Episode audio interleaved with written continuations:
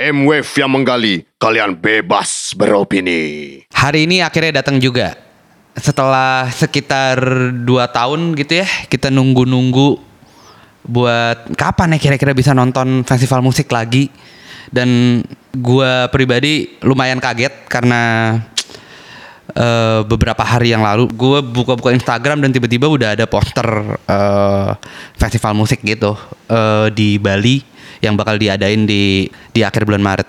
Festival yang gue maksud adalah Joyland, acara yang sebenarnya eh, di sebelum masa pandemi itu udah rutin digelar di Jakarta oleh teman-teman Plain Song selaku promotornya. Nah makanya hari ini gue ya Skill Siombing lagi ngunjungin kantor Plain Song buat ngobrol-ngobrol sama head honcho-nya nih, Ferry Dermawan. Halo Mas Ferry. Hai. nah Mas sebelum kita ngomongin soal festival musik, mungkin lo boleh ceritain sedikit dulu eh, kira-kira apa sih sebenarnya Plain Song dan mungkin eh, program apa aja sih yang kalian punya? Oke, Plain Song Live itu um, promotor live music. Kita udah jalan dari 2009. Um, acara pertama itu Jakarta Atmosphere waktu itu jalan hanya empat edisi acara tahunan. Jadi konsepnya itu konser kolaborasi band-band yang aktif hari itu dengan em, nama-nama yang kita anggap legend. Jadi salah satunya itu kayak White Shoes dengan Faris RM, Cost Plus dengan Brandals, Brandal saya. Iya. Gitu ya. Pure Saturday dengan Yoki, Wah itu gila sih tuh kelewatan tuh gue nonton itu. Tika, and the Dissident sama Vina Panduwinata, Sore Ebit GAD, Upstairs sama Andi Ayuni. Nah itu jagoan gue tuh dua alien tuh. Siapa lagi ya? Bob Tutupoli sama uh, Shaggy Dog. Ya gitulah. Jadi emang emang lo mempertemukan pada saat itu generasi emas indie Indo dengan eh, legenda-legenda musik lah ya pada saat itu ya. Eh, iya iya. Ah, konsepnya gitu ya. Gitu. Itu terus setelah itu 2012 uh, kita sempat bikin Joyland Festival juga. Waktu itu di venue-nya di Taman Krida Loka, itu di um, GBK di belakangnya apa? Stadion Renang. Belakang Stadion Renang 2012 2013. Terus habis itu Joylandnya vakum. Sempat bikin tour juga. Tour bareng waktu itu White Shoes, Stars and Rabbit, Dialog Dini Hari, Bandung, Jogja, Bali. Terus bikin konser tunggal, rilis albumnya Pure Saturday. Itu di Eh, yang yang album mana Pure Saturday? Grey. Oh, Grey, oke. album. Itu tahun berapa ya? Oh 2012. 2012 di GKJ. 2016 bikin uh, konser tentang rasanya Frau. Terus konser tanah airnya Senyawa 2016 juga. Konser Terus- Tanah Air Senyawa yang Ya, di GKJ. GKJ juga. Oke. GKJ terus apa lagi? Um, 2019 dia bikin Joyland lagi. Oke. Tapi berarti emang outputnya yang kalian kerjakan, kerjakan tuh event ya, Event. music event. Ya. Oke. Tapi belakangan eh, selama masa pandemi akhirnya kalian bikin juga eh, plain song Oh, live sessions. Ah. Itu gimana tuh idenya tuh? Um, sebenarnya itu efek pandemi juga ya. Karena 2000 eh, abis abis Joyland pas eh, Joyland yang 2019 kita tuh sempat um, plan bikin konsernya Whitney itu band dari Chicago. Oke. Udah udah announce, sudah jualan tiket, laku udah 60 hampir 70 persen gitu. Eh terus awal Maret em, apa ya pandemi mulai akhirnya. Itu harusnya di akhir Maret.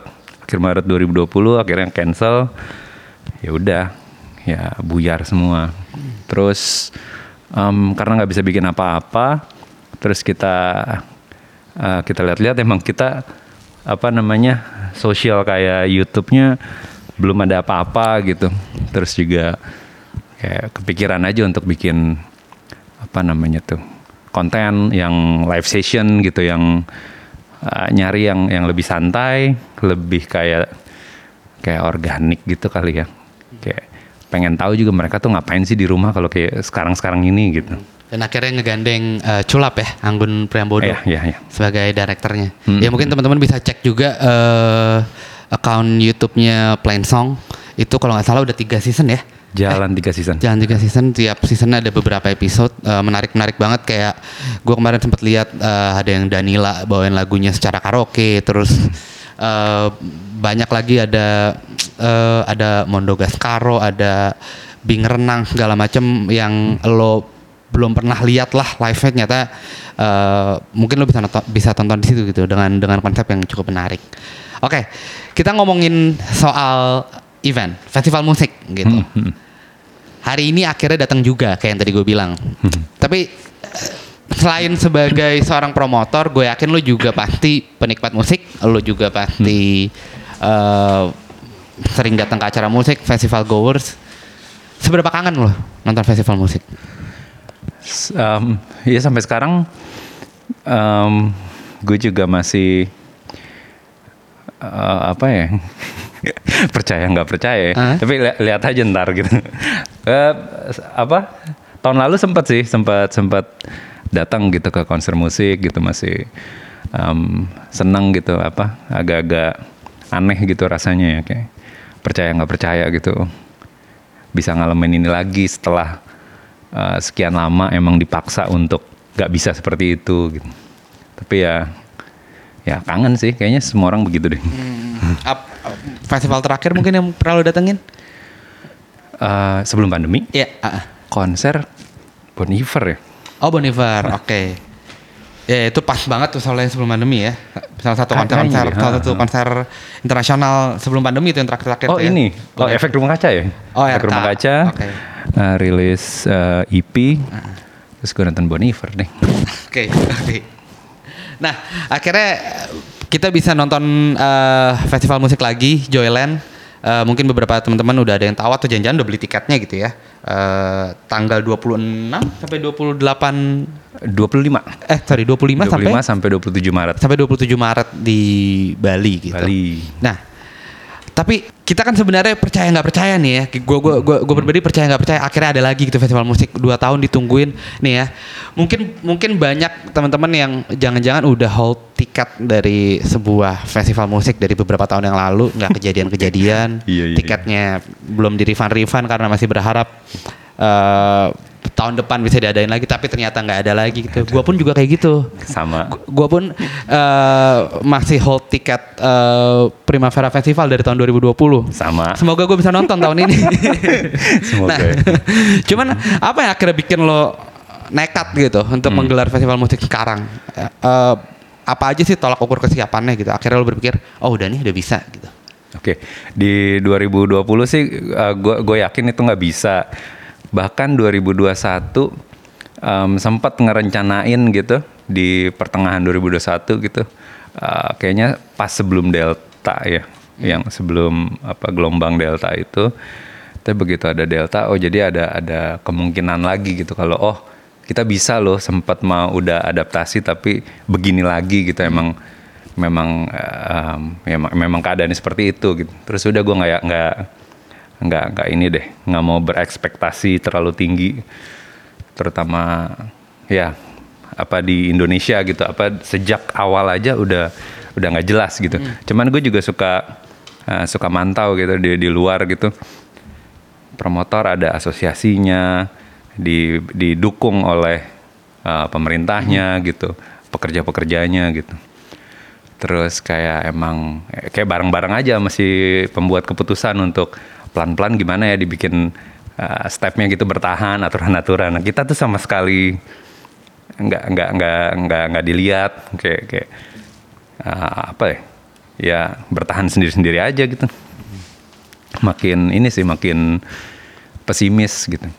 Terus gue lihat juga ya jadi berharap sama ini aja ya sama pas lagi kasus turun baru deh bisa ini apa bisa plan seperti apa gitu. Em, patokan gue juga ya keluar jadinya pak. Di luar mereka step-stepnya seperti apa sih gitu. Mereka udah mulai dari pertengahan 2021 sih ya beberapa itu. Ya sambil kita lihat ininya apa segala kemungkinan kemungkinannya agak yakin kemarin tuh di di kayaknya Desember bisa deh bikin gitu beber dan gue yakin kan beberapa acara sempat banyak tuh di bulan Desember gitu Ya tapi Eh. bukan bukan festival musik. Bukan ya? festival sih Ah. bukan festival gitu karena mungkin yang bikin susah tuh eh, ini ya karena eh, festival sama konser gitu dari persiapan festival butuh waktu yang lebih panjang gitu ya, dibanding em, konser gitu ya kalau konser mungkin nggak nggak sepanjang itu persiapan untuk apalagi kalau festival di luar gitu patokannya harus ngebuk eh, ngebuk band berapa bulan sebelumnya gitu band itu harus touring atau pas pas lagi one off gitu Nah terus ya udah, gue pas Desember mulai udah mem- mempertimbangkan tuh dari Oktober. Cuman kayak jalannya tuh pas di November deh, udah coba kita plan ke misalkan em, apa tuh awal tahun nih kemarin nih. Oke. Sempat mikirnya. Gitu. Oke. Berarti bisa. waktu lu mengerjakannya cukup cukup Singkat. singkat ya, tight Singkat. banget ya. Singkat. Maksudnya lo eh, akhirnya eh, lampu hijau nih di bulan November gitu, acaranya di bulan Maret gitu. Cuman Nah sebelumnya Februari sorry. ah, bahkan sebelum Februari Sebelum kan? Februari udah sempat ngeluarin tanggal juga tuh. Ah, Oh iya, udah sempat ngeluarin tanggal ya? sempat Oh, eh, awal Januari kita udah announce gitu Joyland eh, apa Joyland Bali di eh, 25 sampai 27 Februari. Karena pada saat itu Delta udah turun, Omicron mungkin belum belum belum mulai keluar tuh kan, kirain udah beres tuh ya. Kayaknya akhir-akhir Desember deh yang di luar kan tuh. Iya. Ternyata cepat juga ke Indonesianya. Oke. Dan akhirnya Joyland tahun ini digelar di Bali. Ya. Kenapa tuh? Apakah terkait regulasi lebih lebih gampang di sana atau atau atau gimana? Di Jakarta belum ada nih soal festival musik nih. Iya festival belum ada. Gue sih ini sih ya. Gue emang dari dulu dari 2019 emang udah kepikiran pengen punya apa? peng- Kayak pengen bikin sesuatu di Bali gitu. Nah itu kayaknya tuh eh, apa? Rasanya numpuk di datang pas bersamaan gitu kayak di Oktoberan gitu gue sempat ke Bali terus emang ngerasain vibe-nya di sana terus kayak psikologi orang-orangnya gitu kayak kayaknya nih orang-orangnya lebih siap deh bikin di sini gitu terus kayak lebih lebih nggak tahu ya lebih lebih santai gitu mereka dan uh, teman-teman yang di sana juga um, kayak ya lebih siap. Secara infrastruktur mereka siap gitu untuk mau bikin produksi seperti apa juga punya sebenarnya kan. Um, terus ya itu sih kayak suasananya mungkin yang yang yang sangat menginspirasi. Oke. terus Tapi ya udah nyoba ke sana deh. Oke, tapi pertanyaan gue gimana kalau misalkan ternyata ada ada or- ada orang yang justru menganggap apa yang lo lakukan ini uh, adalah bentuk ignorance. Hmm, oke oke. Nah, ini dilema sih sebenarnya. Gue dari dari promosi juga kita mencoba untuk nggak nggak terlalu mengajak banget gitu kan, karena gue yakin em, orang nih kebagi gitu emang yang udah siap, udah siap banget atau udah nggak tahan kali ya. kayak gua. Oh gitu. Atau yang ada yang yang kedua kalau menurut gue ada yang kayak udah siap cuman emang masih hati-hati banget gitu. A- atau yang ketiga emang menganggap belum waktunya gitu. Jadi em, untuk apa ya? Untuk kayak eh, nggak mungkin ini kita bisa untuk agak susah sih untuk bisa inin eh, nyari jalan tengahnya tuh.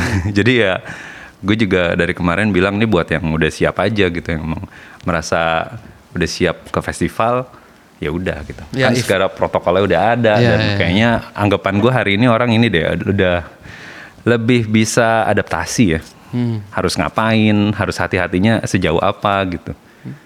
Ya kalau misalkan lo udah mau berangkat terus badan lo udah agak-agak nggak enak nggak enak gitu mendingan nggak usah deh. Iya deh. Ya maksudnya ya bener tadi kata eh, Mas Ferry gitu ya maksudnya eh, festival ini juga di, di, di tengah kondisi kayak gini kita juga eh, tetap harus eh, mawas lah ya Hmm, gitu kan hmm, hmm. Eh, prokes secara pribadi dan tentunya pasti nanti eh, juga akan eh, kita bahas kira-kira prokes dari eh, penyelenggara festival tuh kira-kira seperti apa sih yang ideal gitu.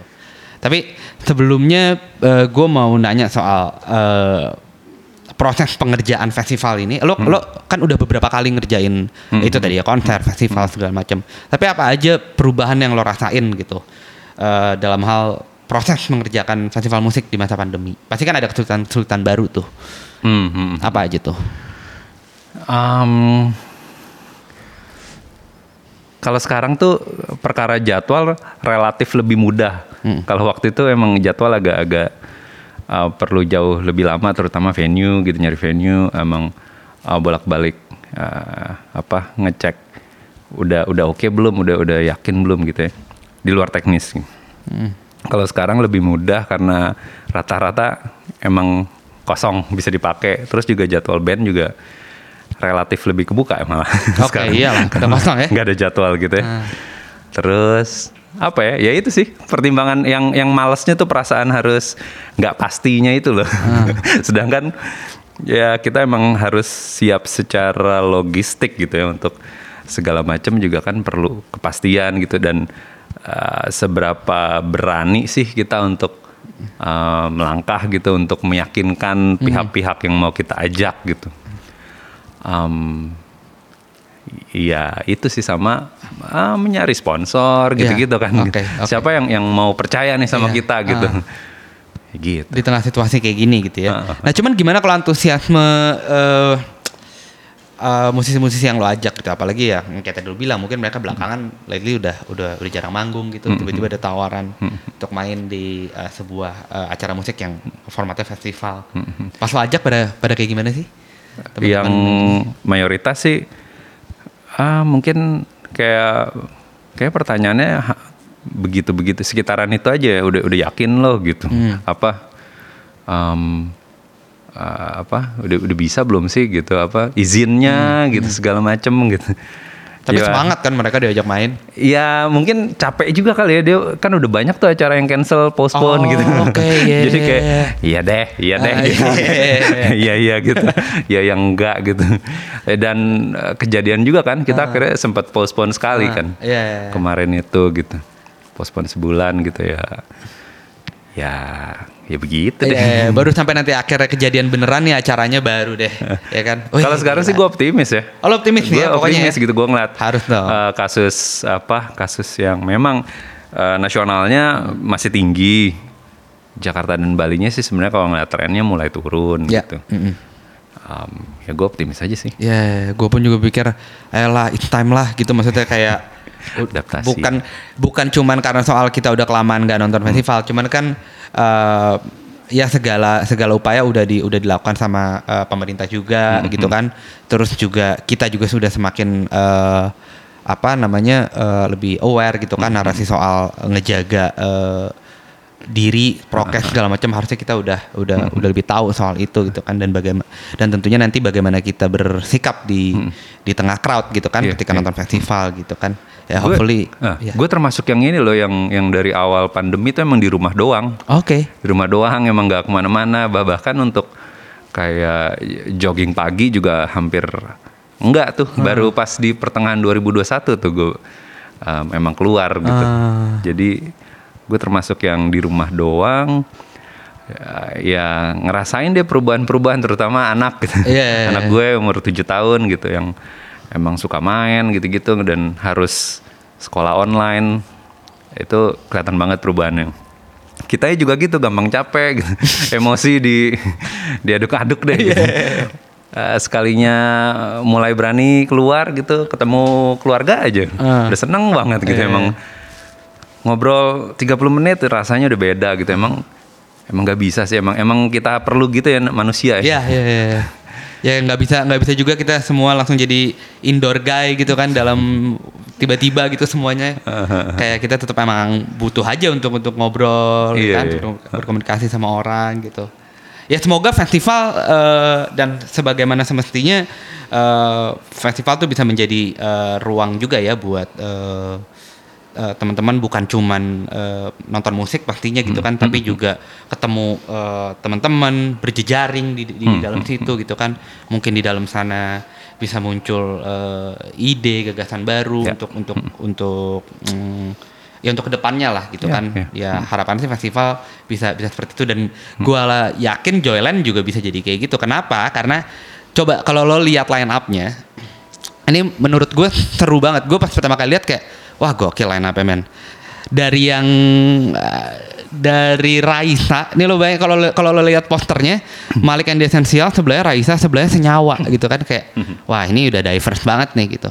Dan yang lebih menarik lagi juga eh, ada banyak eh, teman-teman kita dari eh, kancah yang lebih underground gitu ya.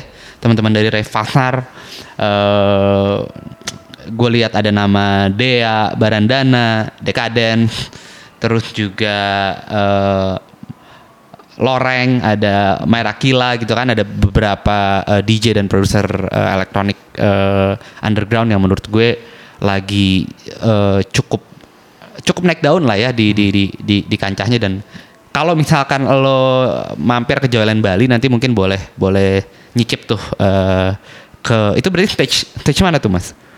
Jadi di Joyland itu ada kita ada beberapa area gitu. Ada si Joyland Stage, ada juga Lily Pad kalau untuk musiknya ya. Uh, di luar dari komedi ada outdoor cinema juga, ada workshop juga. Jadi untuk dua stage musik itu kayak 2019 lalu tuh kita kolaborasi bareng Efek Rumah Kaca. Oke. Buat di nama areanya Lily Pad Stage gitu ya. Itu kolaborasi sama Efek Rumah Kaca mereka pilih em, siapa yang mau dimainin sama mereka gitu. Kita ngobrol bareng. Nah yang kali ini em, kita kolaborasinya sama Ref Pasar gitu. Nah, kenapa Ref Pasar? Karena belakangan gue ngeliat mereka tuh em, apa ko- komunitas aktif banget. Kayaknya tuh em, seru aja gitu untuk untuk ngelihat pergerakan mereka em, punya apa posisi yang yang jelas gitu ya yang yang yang mereka mau suarakan gitu terus juga apa ya pas gua nggak datang ke ref pasar yang pertama 2020 tapi sempat mampir yang ref pasar yang 2021 ngelihat situ ngeliat oh, produksinya juga digarapnya apik Serius ya? juga gitu dengan emang presentasi yang bagus sih gitu untuk untuk yang emang yang independen tanpa dukungan finansial yang oke gitu. Nah itu gue suka semangat itunya gitu. Jadi pas ngobrol emang em, karena di di venue itu juga em, menurut gue ada tempat yang cocok buat mereka gitu. Oke. Jadi ya udah gue coba ngobrol waktu itu lewat Ican dulu, terus kita ke venue, kita ngobrol, ya, kasih lihat tempatnya, tempatnya seperti ini loh gitu. Oh iya bisa juga ya. Jadi ada basement di sana. Oh, Ada dua oke. basement. Oh, nice. Jadi ya ya udah ke mana-mana tuh pikiran Ican. Yang satu bakal DJ DJ semua, yang satu juga ada art performance-nya. Oke. Gitu. Bakal menarik banget sih eh, datang ke Joyland yang gue lihat directionnya kan agak-agak eh, warna-warni gitu ya, colorful summer gitu ya.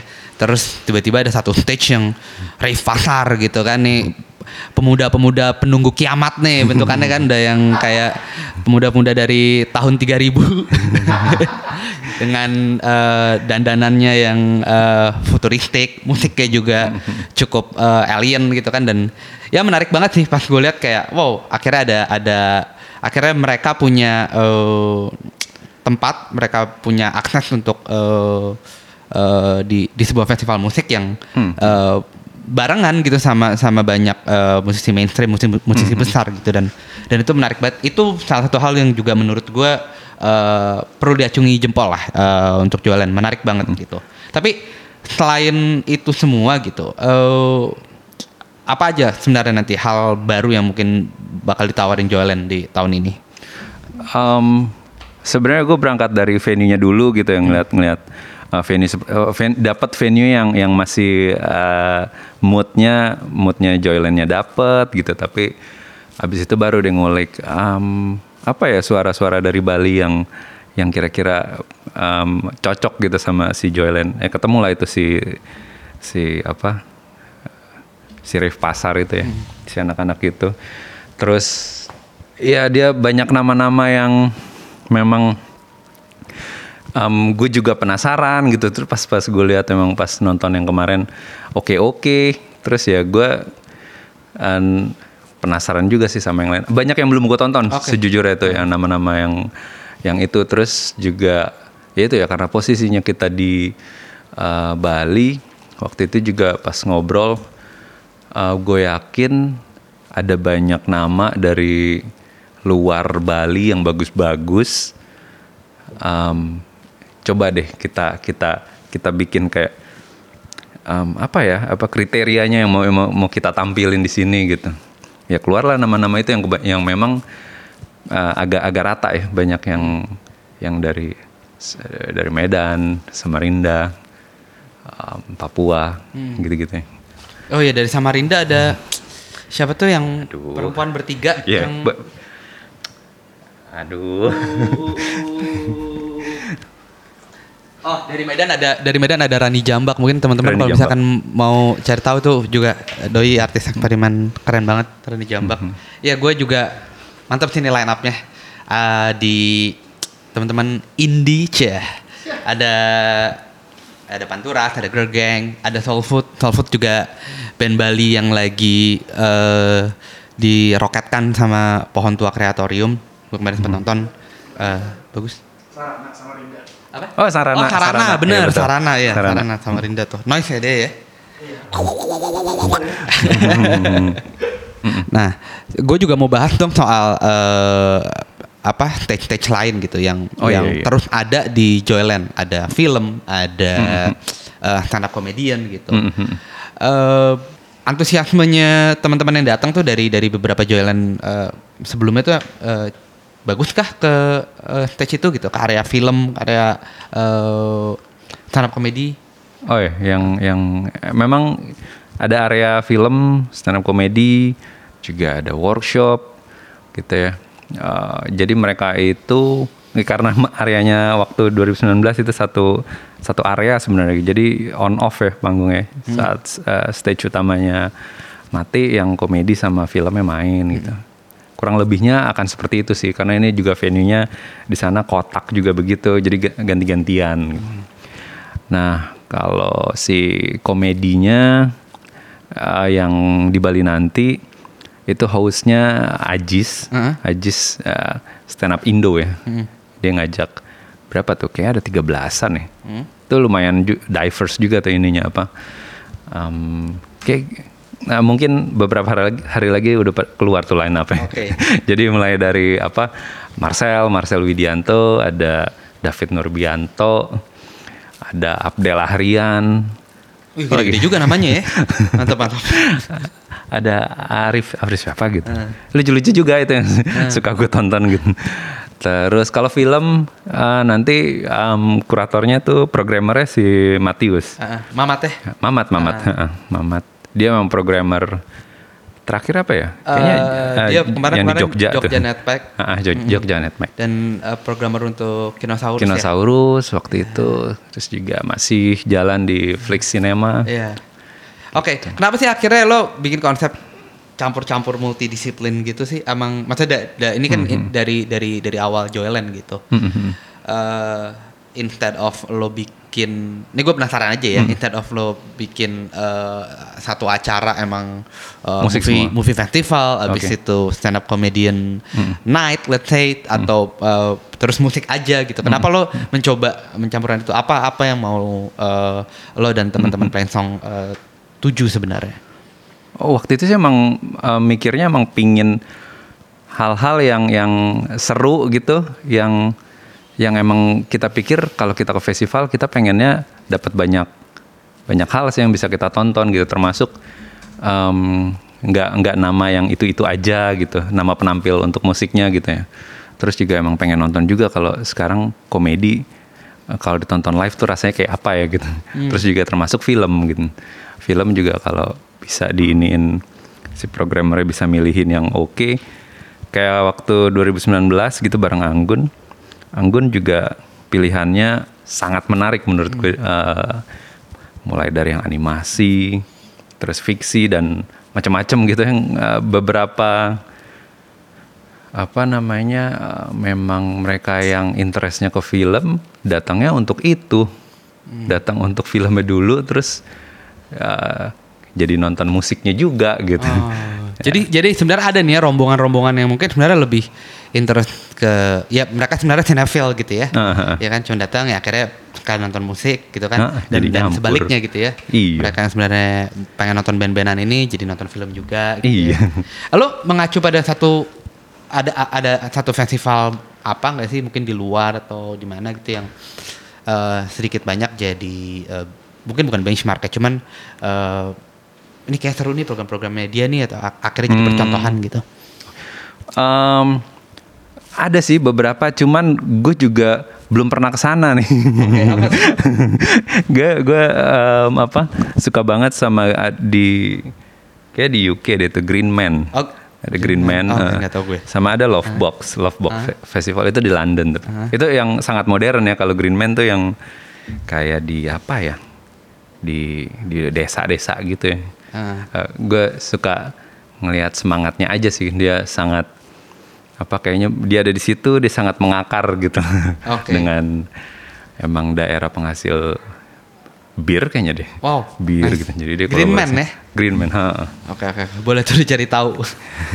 Oke, nah eh, kita ngomongin tentang eh, kondisi festival musik in, ke yang lebih general lah ya setelah eh, pandemi. Sebenarnya bukan setelah ya pandemi sebenarnya nggak tahu nih belum belum bakal berakhir atau bakal ya kita bakal hidup berdampingan aja sama mereka gitu ya. Cuman eh, lo deh Mas Ferry punya proyeksi nggak soal perkembangan festival musik pasca masa pandemi atau enggak ya? At least setelah hari ini lah in the future gitu.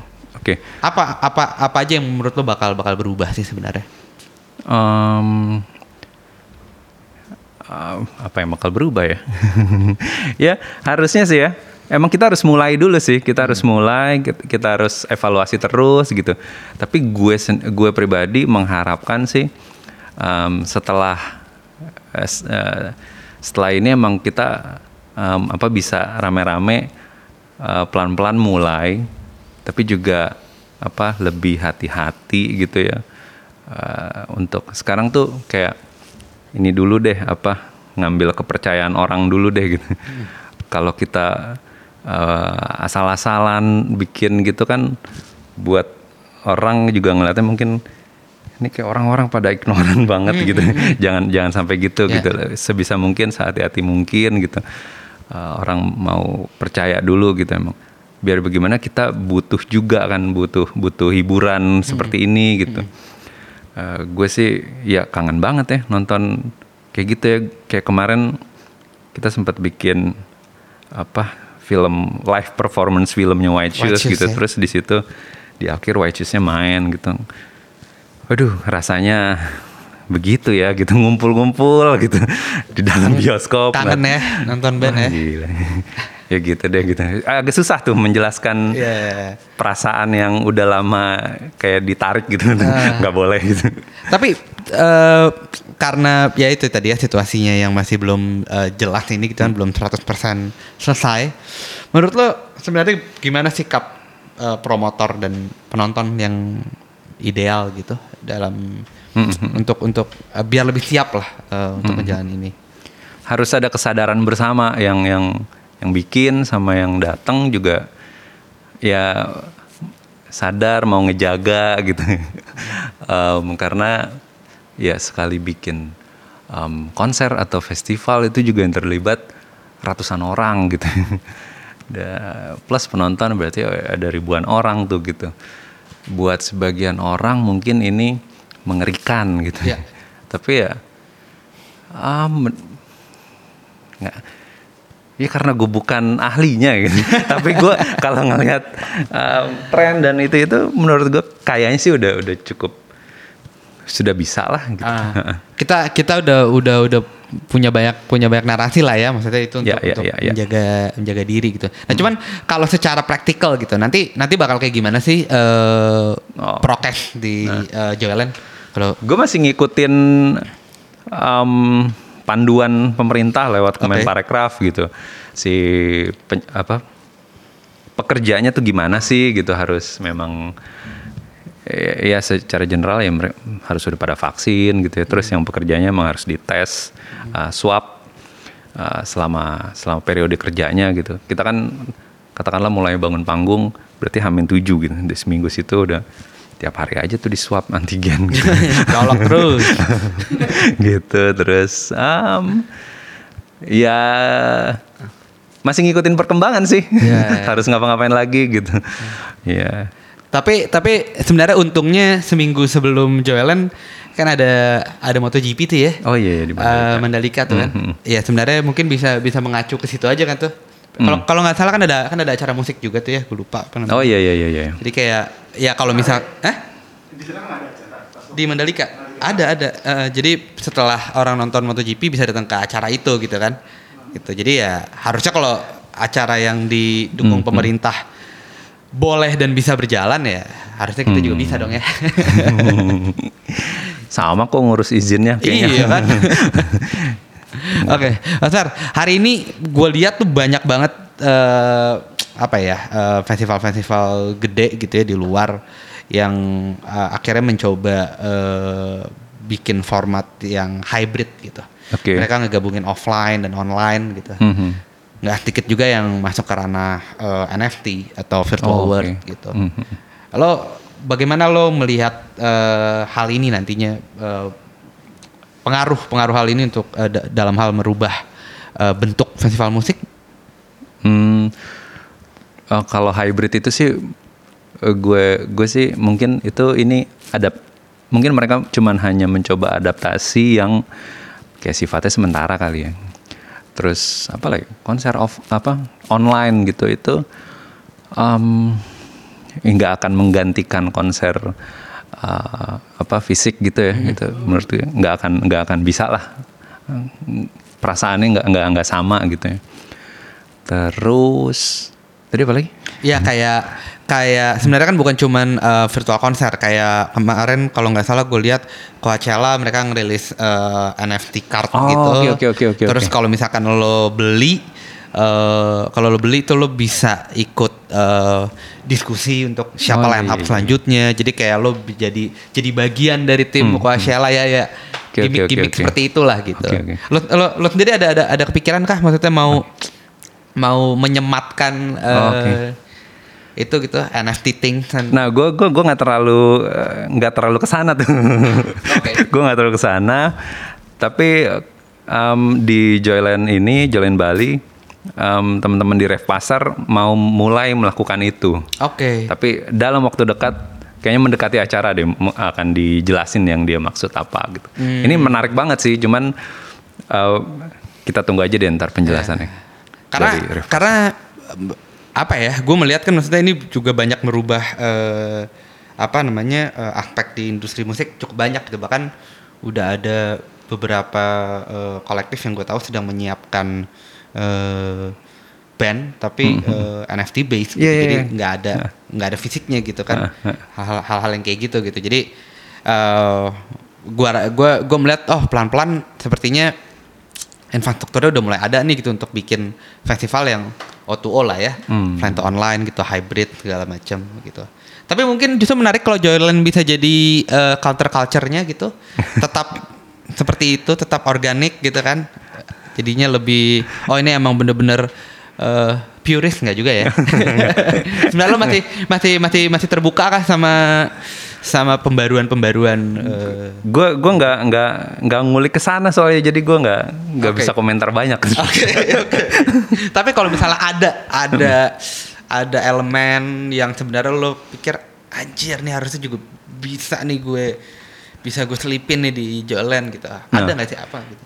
Kayaknya anak-anak di Rev Pasar akan coba ngelakuin itu sih Hmm. kali ini gitu Em, ya gue ini aja deh gue biar mereka aja yang lebih ngerti gitu Hmm. Oke. gue cuma ngedengerin aja gitu dari dari sebelum itu juga beberapa temen cerita soal emang mereka keranjingan NFT itu gitu Hmm. cuman aduh gue gue kayaknya belum deh gitu gue gue nggak bisa ngikutin gue gue gue tetap gue malah sejak pandemi mencoba le- kayak lebih melambat malah gitu, Gitu ya?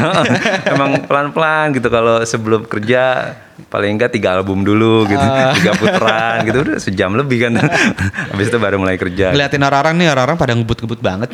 iya iya iya iya. Gue jadi jadi mem- memelan aja dulu deh gitu. Soalnya kayak gampang cemas gitu kalau serba Iya, buru-buru. iya, bener, bener, bener. terus kayak nggak tahu perasaan gue doang kali kayak sebelum tidur tuh Jadi banyak mikirin hal yang gak penting. Iya tapi sebenarnya kan ya kayak gitu ya maksudnya inovasi-inovasi ini kan eh, muncul karena kegelisahan-kegelisahan orang secara Iya, iya, iya. selama selama masa pandemi gitu kan. Anjir, gue cuma di kamar apalagi yang bisa gue buat gitu kan. Gue pengen eh, legacy gue tetap ada, gue pengen nama gue tetap dikenal, gue pengen tetap berkarya apa via apa gitu kan. Ada banyak motif sih yang. Iya, heeh. gitu.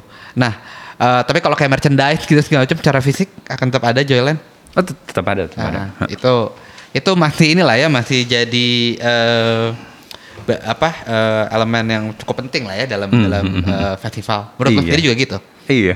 ya kan kalau misalkan kita ke festival apalagi kalau misalnya keluar negeri ya pasti lo pengen juga kan tuh Iya, beli gitu. Oke. Nah, eh jadi apalagi rencana plan song ke depannya? Em, Seri? si jalan Bali dulu nih apa Em, ya moga-moga lancar moga-moga bisa sesuai harapan gitu yang apa bisa memulai dengan apa ya dengan lebih ya mulai hati-hati gitu. Dan semoga ini ya semoga habis ini eh, kayak kemarin gitu pas pas pas kita announce gitu juga banyak teman-teman yang langsung apa PM gitu chat gitu. Em, kayaknya eh, ikut senang gitu ikut Iya, senang. iya. oke eh, udah memulai nih gitu. Oke mungkin di- ada juga beberapa yang jujur ya udah lo dulu deh. Semoga nggak apa-apa gitu. Jadi gue Jadi tahu gitu iya, kalau jadi kalau kelinci lo ini- percobaan ya. iya gitu. Soalnya resikonya gede banget gitu. Nggak, Iya gitu ya udah. Ya nggak apa-apa gitu. Kita dengan penuh kesadaran gitu emang uh, ini bisa rugi besar gitu. Cuman ya udah gitu. Emang coba aja gitu. Emang ya penuh kesadaran untuk untuk mulai em, dan buat yang memang udah siap aja sih gitu. Bisa rugi besar tapi kalau nggak salah gue tadi tuh lihat tiket presale pertama aja udah sold out tadi. Kayaknya nggak rugi besar deh ini ini mah. Ya, semoga ya, Cuan semoga. lah. ya itu sih kita juga em, kaget banget ya, kaget banget ya. Se se nggak tahu ya. Mungkin em, macam-macam sih ya. Mungkin karena emang segitu banyak orang yang kangen atau segitu banyak mereka ya memang penasaran aja gitu pengen pengen nonton ini atau emang ada yang sudah pernah ke Joyland sebelumnya terus em, karena kita beda venue gitu mungkin penasaran juga gitu kalau Joyland ada di situ seperti apa ya gitu Oke, oke. gitu ya kita happy aja sih Kebanyakan so far eh, dari dari tiket yang datang dari luar Bali kah atau? Oh, Oke. Nah ini ini yang yang yang um, apa? Yang yang sebenarnya waktu itu kita pengen coba kalau kita bikin di sini dengan line up di sini, eh seperti ini adukannya gitu ya, yang uh, mencoba untuk se apa ya, ada ada banyak perwakilan komunitas, ada juga perwakilan kotanya gitu untuk um, generasi gitu. Terus ya uh, lumayan kaget juga dari penjualan tiket em, banyak kota-kota yang yang nggak nggak nggak kita sangka gitu. Memang em, terbanyaknya masih Jakarta. Terus kalau kedua itu Jawa Barat, ketiga Jawa Timur, keempat baru Bali. Nah sisanya itu macam-macam. Kayak Oh. yang kita kaget ada per hari ini ada hampir 50 dari Papua dan Papua Barat. Di dari Sumatera Utara hampir 30 gitu. Maksudnya kalau cuma dua atau tiga Hmm. gue bisa ini deh gitu. Tapi ini, Ini segitu nih banyak ya. gitu. Eh. Segitu banyak gitu ada uh, dan, dan bukan satu beli kayaknya deh Ah. gitu. Soalnya itu beberapa transa- transaksi oke, gitu. oke. Um, terus ya ada yang dari Samarinda, ya mungkin ada ada band Samarinda juga gitu ya. Makassar juga lumayan banyak. Terus NTB juga banyak. Papua ada mas. Papua ada. Papua. Udah, udah 40 lebih. Wih, gokil men. Kan mungkin ada Asep Nayak sih di situ Oh ya. iya iya karena, karena kan ada Naya. iya. Rombongan Asep Nayak nih. Eh pasti pada pengen nonton beliau tuh. Dari Riau ada Eh, lumayan banyak sih hampir semua pulau Indonesia gitu oke. mungkin sambil mau liburan juga Iya iya iya. Mas, kalau misalnya ini berhasil secara eh, bukan cuman rame gitu ya, acara bisa berjalan dengan baik gitu. eh dan maksudnya orang-orang yang datang juga terhibur gitu segala macam. Ada nggak sih eh, harapan dari lo gitu yang eh, lo lo pengen em, gua nggak ngerti ya mungkin entah pemerintah atau atau pihak yang punya eh, otoritas yang lebih tinggi. Ad- ada nggak sih harapan lo untuk eh, biar mereka tuh juga bisa melihat dan mengambil eh, apa ya satu kesimpulan satu pelajaran gitu dari dari acara ini gitu? Gue sih um, mencoba untuk um, melibatkan banyak orang gitu ya, banyak pihak gitu untuk um, ya itu yang bikin kita lebih hati-hati gitu karena kita pengen ngasih lihat nih uh, kalau kita bikin hati-hati bisa juga kok gitu. Walaupun sebenarnya selama persiapan kita nggak didukung-dukung banget gitu. Jalan sendiri aja gitu. Cuman ya semoga aja gitu kalau dilihat oh bisa kok anak-anak ini Ah, gitu, gitu. iya, iya. Eh, paling nggak dipercaya deh gitu mungkin. Eh, dan ini kan juga jadi beban berat juga ya kalau gua salah-salan ini jadi ngeberatin teman-teman lain yang, Iya, yang iya, berikutnya iya, iya. lagi Benar, benar, benar. per- ya, nyiapin dan jauh lebih gede dari dari si Joyland gitu. Hmm. dan sebenarnya gua agak enteng emang dari awal kita nggak nggak nggak yang punya Joyland tuh festival pengen jadi festival terbesar gitu gitu. Gue nggak ada ambisi itu sih dari awal bikin. emang gue gue pengennya medium festival aja gitu. Gue bukan yang tiga puluh ribu orang sehari gitu gitu. agak-agak susah tuh tarik tarikannya gitu tarik tarikan sponsor pengen eh, namanya begini-begini gitu. Eh, sedangkan nggak menarik ya menurut gue kalau cuman bikin yang sekedar rame-ramean doang Ya, gitu. ya. Eh, nggak bisa main-main atau nggak ada hal-hal seger yang ditawarin gitu. Oke. Terus apalagi? Ya mudah-mudahan sih jadi ini ya apa ya intinya tuh sekarang sih ngembaliin kepercayaan banyak orang aja dulu gitu. kalau kita bisa mulai sebenarnya dari dari tahun lalu udah banyak yang mulai gitu Iya, teman-teman iya. gitu. Kecil kecil kecil sesuai sama ini aja lah apa uh, aturan di kotanya masing-masing gitu. Oke. Oke Mas Heri, gue mau masuk ke pertanyaan terakhir nih yang agak lebih personal sedikit. Eh, lo kan udah lama banget ya ngerjain ini semua ya, Eh, ngerjain event-event musik ya pokoknya urusan entertainment business ini gitu. Lo mau sampai kapan ngerjain kayak gini? nah ini nih yang yang gue yang by, by- by the way teman-teman gue gue sekarang lagi di kantor Plain Song gitu ya terus gue juga tadi sempet eh, ngobrol-ngobrol gitu kayak eh, nggak apa-apa ya gue cerita ya. Eh, Mas Mas Ferry ada ada ada beberapa eh, u- unit bisnis lain gitu ya di luar di luar eh, musik gitu kan di luar Plain Song dan segala macam. Tapi gue pikir hebat juga ini orang ya gitu. Maksudnya- masih mau aja gitu ngurusin hal-hal kayak gini gitu ya musik-musik gitu ya. Tapi kapan lo lo lo lo pengen menjaga hasrat lo untuk uh, Oke. ngurusin kayak ginian. gue kan memulai ini semua dari em, iseng-iseng gitu. Apa ah, bukan bukan iseng ya dibilang iseng enggak juga tapi dulu punya ambisi besar aja gitu Iya. kayak ya namanya masih waktu itu kuliah gitu kuliah gitu. Jadi em, punya kayak gue punya suara nih gitu gue pengen gue pengen bikin ini karena eh, belum ada yang wakilin suara gue gitu. Terus seiring berjalannya waktu ya jadi mulai belajar, oh ngerti ada persoalan teknis yang harus dipertimbangkan, ada persoalan bisnis juga yang harus dihitung gitu-gitu.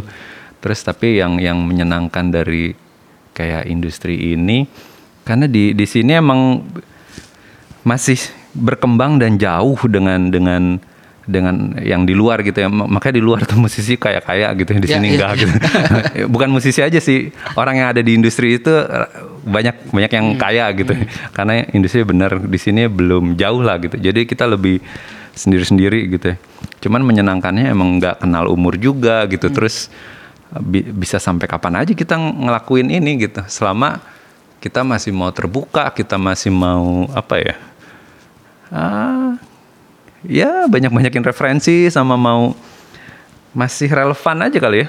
Kalau ma- masih relevan sama audiens atau market kita lah yang kita tuju gitu. Jadi lo sekarang masih berusaha mencoba relevan ya sama yang muda-muda ya.